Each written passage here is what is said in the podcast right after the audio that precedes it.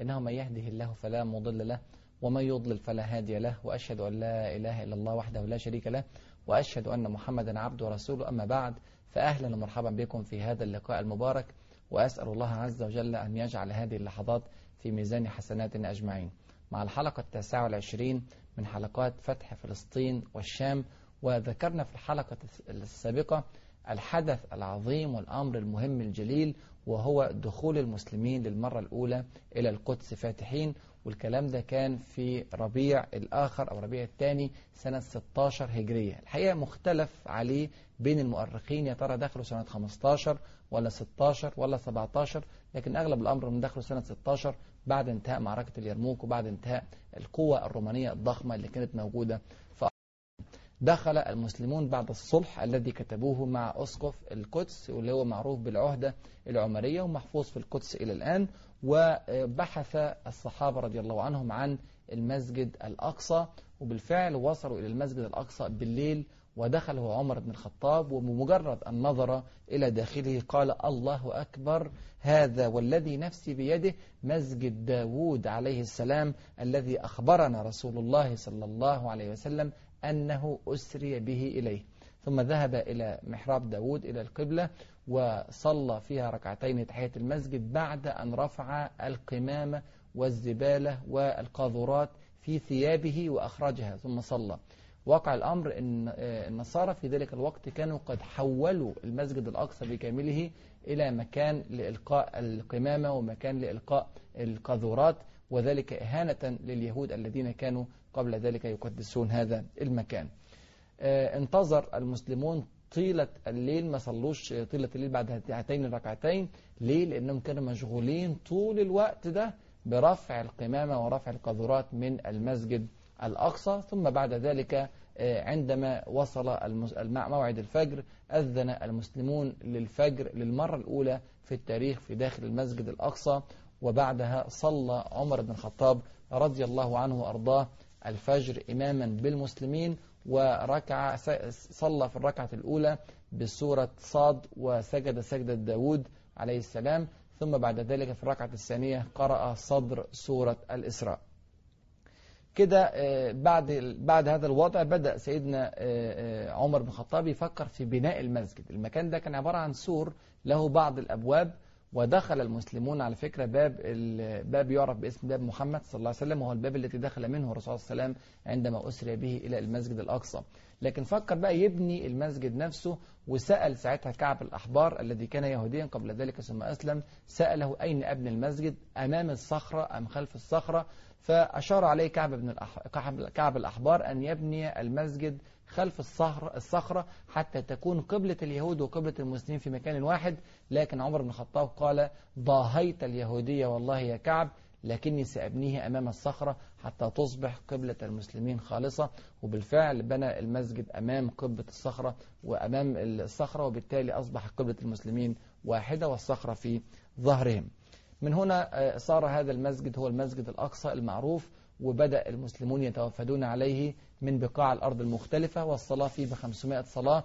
ونسأل الله عز وجل أن يكتب التحرير الكامل له وللقدس ولعامة فلسطين ولكل الأراضي المحتلة من بلاد المسلمين. الحقيقة يا أخوانا أنا عايز أنتهز هذه الفرصة وأقول لكم ما تخافوش من قضايا تهويد القدس. ابذلوا كل اللي عليكم اعملوا كل الشغل اللي ممكن يتعمل في هذه القضية لكن لا يمكن أبدا أن يساور أحد المسلمين الشك في أن هذه البلاد ستتحول بعد ذلك إلى بلاد يهودية أو غير ذلك. ستبقى هذه القدس إسلامية بإذن الله وستبقى فلسطين إسلامية وسيبقى الشام إسلاميا إن شاء الله رب العالمين. وأقول لكم الكلمة التي قالها عمر بن الخطاب بمنتهى اليقين للجيش الإسلامي المقاتل في أرض اليرموك والمقاتل في الشام بشكل عام إنكم منصورون على كل حال. إنكم منصورون على كل حال. قد يتأخر النصر ولكنه حتما سيأتي. رأيناه في كل كلمة من كلمات خالد بن الوليد من كلمات أبي عبيدة بن الجراح من كلمات عمر بن الخطاب من قبلهم من كلمات أبي, أبي بكر الصديق رضي الله عن الجميع. وستعود القدس إسلامية إن شاء الله. هذا أمر لا شك فيه.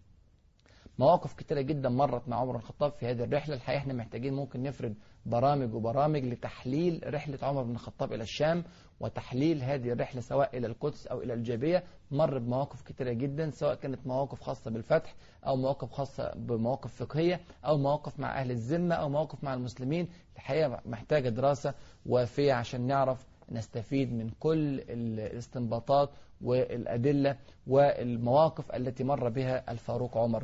رضي الله عنه وأرضاه ومما يذكر أنه أقام عهدا مع اليهود في الجابية مع عشرين يهودي على أن يعطوا الجزية ولم يأخذهم بجريرة اليهود الذين أصابوا المسلمين أكثر من مرة في المدينة المنورة بخلف للعهد لكنه أقام معهم عهدا وحفظ عهد هذا العهد في الشام وعاد رضي الله عنه وأرضاه إلى المدينة المنورة ورجعت الشام من جديد إلى القطاعات المختلفة. عاد أبو عبيدة ابن الجراح إلى قطاعه في حمص ويزيد إلى قطاعه في دمشق وعمرو بن العاص ظل في فلسطين واتجه شرحبيل ابن حسنة إلى الأردن.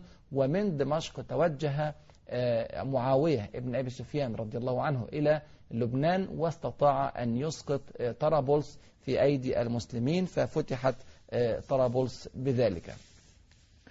عمرو بن العاص أيضا كان محاصر قيسارية لكنه لم يستطع أن يسقط قيسارية واتجه معاوية بن أبي سفيان من طرابلس إلى يافا المدينة الوحيدة بجوار قيسرية التي لم تسقط على الشاطئ الفلسطيني وحاصر معاوية بن أبي سفيان يافا ثم مرت الأيام وأسقط معاوية ابن أبي سفيان يافا. يعني معاوية رضي الله عنه أسقط يافا وأسقط طرابلس أسقط المدن التي صعب على المسلمين فتحها وستظل هناك مدينة كما سيتبين لنا من الكلمات أو من الحلقة تسقط على يد معاوية بن سفيان وكأنه رجل المهام الصعبة في هذه الفتوحات الإسلامية.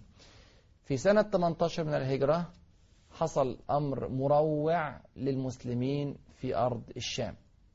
اتكلمنا على معارك كتيرة اتكلمنا على شهداء اتكلمنا على صدامات ضخمة جدا مع الرومان اتكلمنا على أكبر عدد من الشهداء مر على تاريخ الإسلام في موقعة واحدة في موقعة القادسية موقعة اليرموك عندما سقط من المسلمين ثلاثة آلاف شهيد.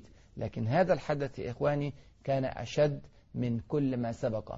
ليس الذي هجم على المسلمين من الرومان وليس الذي هجم على المسلمين من الفرس وليسوا من الأعداء البشريين ولكنه كان مرض انتشر في الشام وقتل عددا ضخما هائلا من المسلمين ومن غير المسلمين. هذا المرض كان طاعون وخرج أول ما خرج خرج من مدينة عمواس في فلسطين وانتشر بعد ذلك في بلاد الشام دخل من من من عمواس إلى كل فلسطين إلى سوريا إلى لبنان إلى الأردن ثم تجاوز كل ذلك ووصل إلى العراق ووصل إلى البصرة ووصل إلى أجزاء من آسيا الصغرى. كان مرض وباء عجيب سبحان الله. انتشر الطاعون في كل مكان. أنا عايز أقول لكم الجيش الإسلامي كان وصل عدده في هذه الأوقات سنة 18 هجرية في أرض الشام إلى 30 ألف مقاتل سقط شهيدا في الطاعون والمطعون شهيد كما يقول الرسول صلى الله عليه وسلم سقط شهيدا في الطاعون. كم واحد؟ أي رقم هتتخيلوه؟ هيطلع غلط.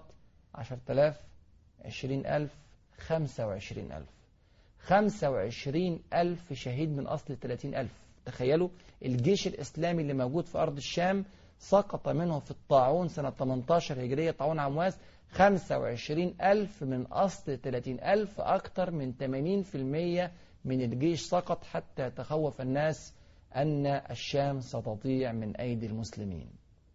عمر بن الخطاب طبعا اهتم جدا بالقضية وأرسل مدد إلى الشام وذهب بنفسه مع المدد ولم يدخل أرض الشام حتى لا يصاب بالطاعون وخرج إليه أبو عبيدة ابن الجراح رضي الله عنه وأرضاه وتعجب أبو عبيدة من عدم دخول عمر بن الخطاب إلى أرض الشام وقال أمن قدر الله تفر يا عمر؟ قال نفر من قدر الله إلى قدر الله يأخذ بالأسباب حتى لا ينتشر الطاعون بعد ذلك يصاب عمر ثم يعود إلى المدينة فينتشر الأمر في المدينة وهكذا كان يأخذ بالحيطة والحذر وهذه وصية الحبيب صلى الله عليه وسلم أنه إذا أصاب الطاعون مكانا فلا ندخل هذا المكان ولا نخرج منه. طبعا الموقف تأزم جدا وبدأ يرسل الأمداد عمر بن الخطاب رضي الله عنه. ثم بعد ذلك أرسل رسالة إلى أبي عبيدة بن الجراح يدعوه فيها إلى القدوم إلى المدينة ليشافهه في قضية من القضايا. فطبعا سيدنا عمر كان بيريد أن يستقدم أبا عبيدة بن الجراح لأن أبا عبيدة قيمة كبيرة جدا جدا في التاريخ الإسلامي. وهو أمين هذه الأمة ويدخره لأمور ضخمة جدا في حياة الأمة الإسلامية وخاصة أن الجيوش الإسلامية هنا وهناك وموجودة في العراق وفي بلاد فارس وفي الشام وتتجه إلى أماكن أخرى كثيرة. فيريد أن يحتفظ بأبي عبيدة بن الجراح ولا يريد أن يصرح له بذلك حتى لا يرفض أبو عبيدة بن الجراح. لكن أبو عبيدة الأمين رضي الله عنه وأرضاه يعني لقط هذه هذا الأمر وقرأ ما بين السطور وعرف أن أبا أن عمر بن الخطاب يريد أن يستقدمه حفاظا على حياته من الطاعون فقال في نفسه أو قال صرح أمام أصحابه يغفر الله لأمير المؤمنين. ثم أرسل له رسالة وقال يا أمير المؤمنين إني قد عرفت حاجتك إلي وإني خلي بالك من الكلمات واعرف قيمة الأمين أبي عبيدة بن جراح رضي الله عنه وأرضاه واعرف قيمة الصحابة وقيمة القيادة اللي كانت موجودة عند الصحابة رضي الله عنهم في مثل هذه الظروف الصعبة. قال وإني في جند من المسلمين لا أجنب نفسي عنهم رغبة عنهم فلست أريد فراقهم حتى يقضي الله عز وجل في وفيهم أمره وقضاءه فخلني من عزمتك يا أمير المؤمنين ودعني في جندي. وأصر أبو عبيدة ابن الجراح أن يبقى في أرض الشام مع الخطورة الشديدة على حياته وعلى حياة عامة المسلمين. هذا يا إخواني أمين الأمة هذا الرجل الذي ارتضاه أبو بكر الصديق أن يكون خليفة لرسول الله صلى الله عليه وسلم. فقال يوم السقيفة إني أرتضي إليكم واحدا من هؤلاء. وأشار إلى عمر بن الخطاب وأشار إلى أبي عبيدة بن الجراح لولا أن المسلمين اختاروا أبا بكر الصديق رضي الله عن الجميع. أرسل هذه الرسالة أبو عبيدة إلى عمر بن الخطاب فلما قرأ الرسالة بكى بكاء طويلا فقال الناس أمات أبو عبيدة؟ قال لا وكأنه قد يعني كأنه قد مات يعني سيموت قريبا يتوقع أن يموت قريبا. ترى ماذا حدث في أرض الشام بعد هذه المهلكة الكبيرة للمسلمين؟ وماذا حدث من الرومان بعد سقوط المسلمين بهذه الأعداد الكبيرة؟ هذا ما سنعرفه بعد الفاصل. فابقوا معنا.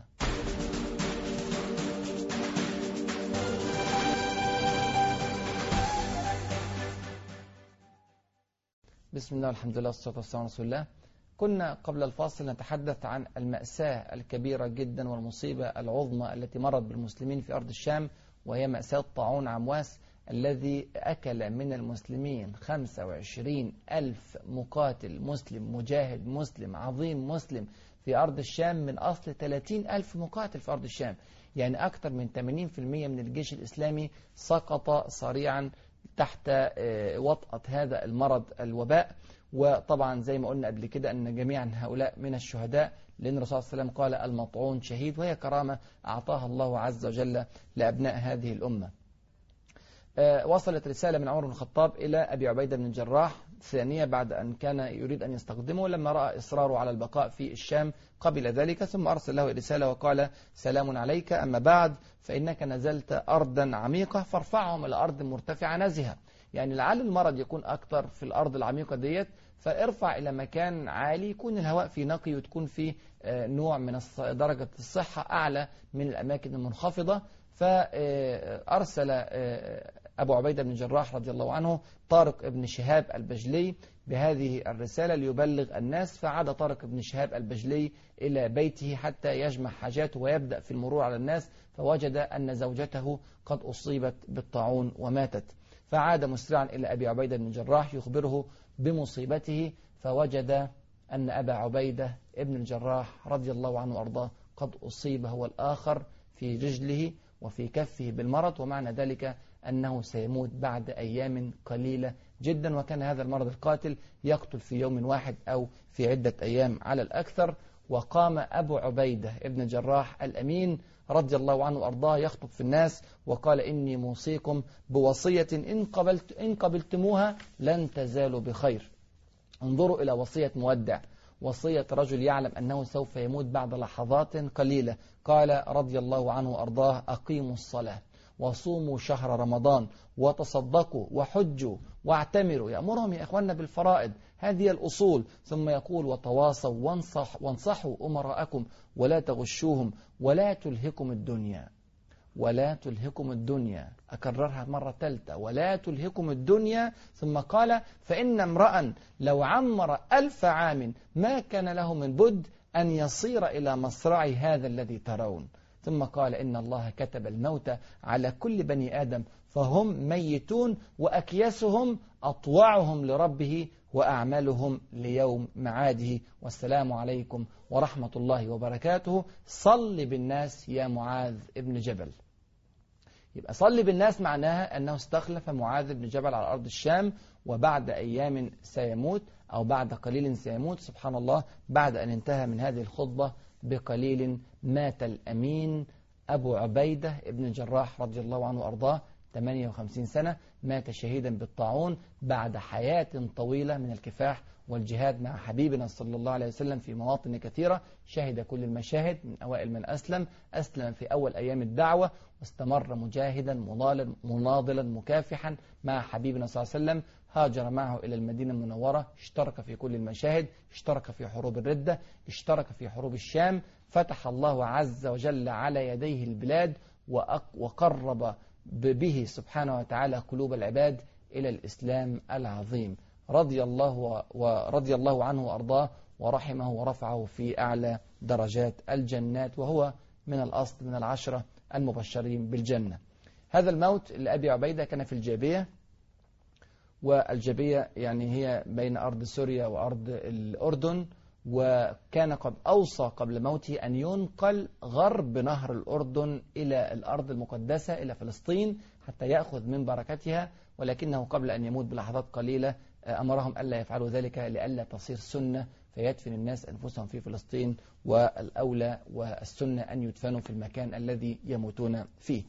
قام معاذ بن جبل رضي الله عنه وأرضاه وأوصى المسلمين وقال يا أيها الناس توبوا إلى الله من ذنوبكم توبة نصوحا فإن عبدا لا يلقى الله تائبا من ذنبه إلا كان حقا على الله عز وجل أن يغفر له من كان عليه دين فليقضيه. خلي بالك هذه كلها نصائح مودع. نصائح مودع ويقولها للناس الذين سيودعون الدنيا. انتهت القضية. الناس كلها بتموت دلوقتي في هذا الطاعون. فبيقول لهم اللي عنده دين يدفع هذا الدين يغفر للشهيد كل آه، ذنب إلا الدين لا يغفر له. فيقول آه، إن العبد مرتهن بدينه فاقضوا ديونكم. ثم قال من أصبح منكم مهاجرا أخاه فليصالحه. ثم بلغه أن الناس يقولون أن هذا الطاعون وباء ورجز. فقام يخطف الناس وقال أيها الناس لو أعلم أني أقوم فيكم بعد مقامي هذا ما تكلفت اليوم أن أقوم معكم مرة ثانية. خلي بالكم بيقول لهم أنا عايز أقول لكم كلام مهم جدا ولسه كنت خاطب فيكم في الصباح بس أنا مش ضامن أشوفكم بعد كده تاني فلا بد أن أخطب مرة ثانية. والكلام ده معناه أنه يشعر أنه قد أصيب هو الآخر بالطاعون الذي أصاب أبا عبيدة في الصباح من نفس اليوم ثم قال إن الذي وقع عليكم هذا ليس طوفانا ولا رجزا من الله عز وجل وإنما الرجز والطوفان كان الله عز وجل قد عذب به الأمم ولكنها شهادة أهداها الله عز وجل لكم واستجاب فيكم دعوة نبيكم صلى الله عليه وسلم ثم مات رحمه الله ورضي الله عنه وأرضاه في آخر اليوم في نفس اليوم الذي مات فيه أبو عبيدة ابن الجراح.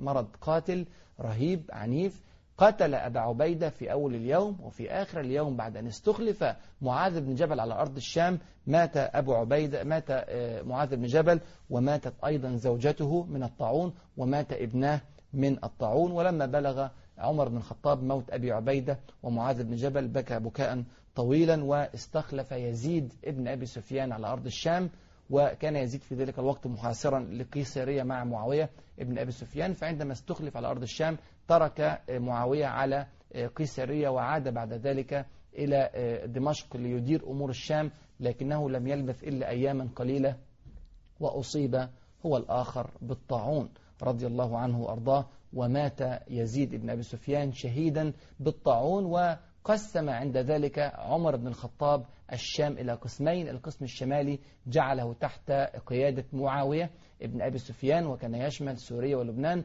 والقسم الجنوبي فلسطين والأردن تحت آه، آه، قيادة شرحبيل بن حسنة. ولكن سبحان الله بعد أيام قليلة مات شرحبيل بن حسنة من الطاعون وجمع بذلك عمر بن الخطاب الشام بكامله لمعاوية ابن أبي سفيان رضي الله عنه وأرضاه. شايفين طبعا مأساة كبيرة جدا. مات في هذا الطاعون الكثير والكثير. مات الفضل ابن العباس ابن عم رسول الله صلى الله عليه وسلم رضي الله عنه وأرضاه. مات أبو جندل ابن سهيل ابن عمرو الصحابي الذي أتى الرسول صلى الله عليه وسلم في صلح الحديبية وقصته مشهورة. مات الحارث ابن هشام أبو, أبو أخو أبو جهل وهذا الرجل كان قد ذهب إلى الشام بسبعين من أهله. مات منهم في الشام 66 واحد في الطاعون ولم يبق منهم إلا أربعة. مات الكثير والكثير من أولاد خالد بن الوليد رضي الله عنه وأرضاه. اختلفت الروايات في عددهم. خالد بن الوليد كان عنده أكثر من عشرين ابن. مات منهم أكثر من عشرة في الطاعون. الحقيقة كانت مأساة ضخمة جدا. انتهت عندما أمر عمرو بن العاص رضي الله عنه وأرضاه المسلمين أن يتفرقوا في الجبال لعلها تكون فرصة أفضل ودرجة أفضل من الصحة. مرت الأيام والحمد لله انتهت قضية الطاعون لكن ظلت المشكلة الكبيرة. قلة عدد المسلمين جمع مرة ثانية عمر بن الخطاب الناس وأخذهم وذهب بنفسه إلى أرض الشام حتى يكون ردءا ومددا للمسلمين هناك حتى لا يتجرأ الرومان على المسلمين والشيء العجيب جدا إن قيسارية اللي كان بيحصرها معاوية بن أبي سفيان رضي الله عنه وأرضاه كان جواها مئة ألف مقاتل رومي ما جرأ واحد منهم أن يخرج للمسلمين مع أن عدد المسلمين وصلوا إلى خمسة ألاف أو ستة ألاف فقط في أرض الشام وليس هذا إلا للرعب الذي ألقاه الله عز وجل في قلوب الرومان. نصرت بالرعب مسيرة شهر. قلناها كتير جدا جدا في الحلقات ديت لأن الجيش ده والشعب ده كان شعب منصور وجيش منصور ومرتبط ارتباط وثيق بالله عز وجل وهذا الذي حفظه من كل سوء ورعاه حتى بعد أن سقط منهم الشهداء الكثر نتيجة الطاعون.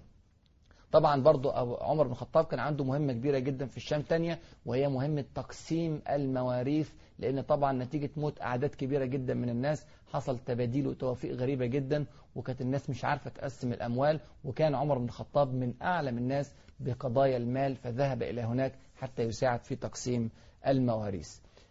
بذلك يعني لم يبقى في كل بلاد الشام إلا مدينة قيسارية وكان يحاصرها معاوية ابن أبي سفيان رضي الله عنه ومرت الأيام وهي لا تسقط وفي العام التاسع عشر من الهجرة يعني بعد الطاعون عمواس بسنة شاء الله عز وجل أن تفتح قيسارية كان في أحد اليهود اللي موجودين في داخل قيسارية كان اسمه يوسف ذهب إلى إلى معاوية بن أبي سفيان وأخبره أنه سوف يدله على مدخل لمدينة قيسارية وعندما يدل على هذا المدخل فإنه سوف يعطيه يعني أن معاوية بن سفيان يعطيه شيئا من الأمان ويضع عنه الجزية التي كانت عليه فوافق معاوية ابن أبي سفيان ودله الرجل على مدخل سرداب غير معروف يدخل منه معاوية إلى داخل مدينة قسرية هو وجيشه وبالفعل بالليل دخل معاوية بن أبي سفيان رضي الله عنه ومعه الجيش إلى داخل مدينة قيسارية ومن الداخل فتحوا الأبواب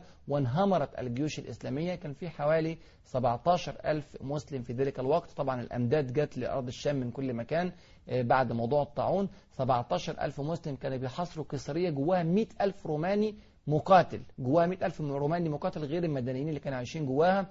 فعندما دخل معاوية بن أبي سفيان سبحان الله أسقط في أيديهم ودار قتال رهيب في أرض قيسارية في داخلها قتال شوارع. وسقط في داخل قيسارية بدون مبالغة ثمانون ألف مقاتل من الرومان. متخيل؟ ثمانون ألف مقاتل من الرومان وفر منهم أربعون ألف كان في مئة وعشرين ألف مقاتل فر منهم أربعون ألف إلى خارج الأسوار وتتبعهم معاوية بن أبي سفيان في خارج الأسوار وقتل منهم عشرين ألف فبلغ قتل قيسارية مئة ألف مقاتل من الرومان وصالحت بعد ذلك أهل قيسارية المسلمين على الجزية وأرسل معاوية بن سفيان الأخبار إلى المدينة المنورة وكانت أسعد ليلة مرت على المسلمين منذ طاعون عمواس ولم ينم المسلمون في ليلتها ولكن انشغلوا بالتكبير وبذلك سقطت المدينة الأخيرة من مدن الشام وصار الشام بكامله مسلما كما بشر حبيبنا صلى الله عليه وسلم صارت الشام عقر دار المؤمنين وستظل بإذن الله عقر دار المؤمنين. أتى الصليبيون إلى الشام ثم خرجوا وأتى التتار إلى الشام ثم خرجوا وأتى الإنجليز إلى الشام ثم خرجوا وأتى الفرنسيون إلى الشام ثم خرجوا وأتى اليهود إلى الشام وسيخرجون بإذن الله وستظل الشام عقر دار المؤمنين كما أوصى وكما بشر وكما علم حبيبنا صلى الله عليه وسلم بارك الله لنا في شامنا وبارك لنا في يمننا وأسأل الله عز وجل أن يفقهنا في سننه وأن يعلمنا ما ينفعنا وأن ينفعنا بما علمنا إنه ولي ذلك والقادر عليه. والسلام عليكم ورحمة الله وبركاته.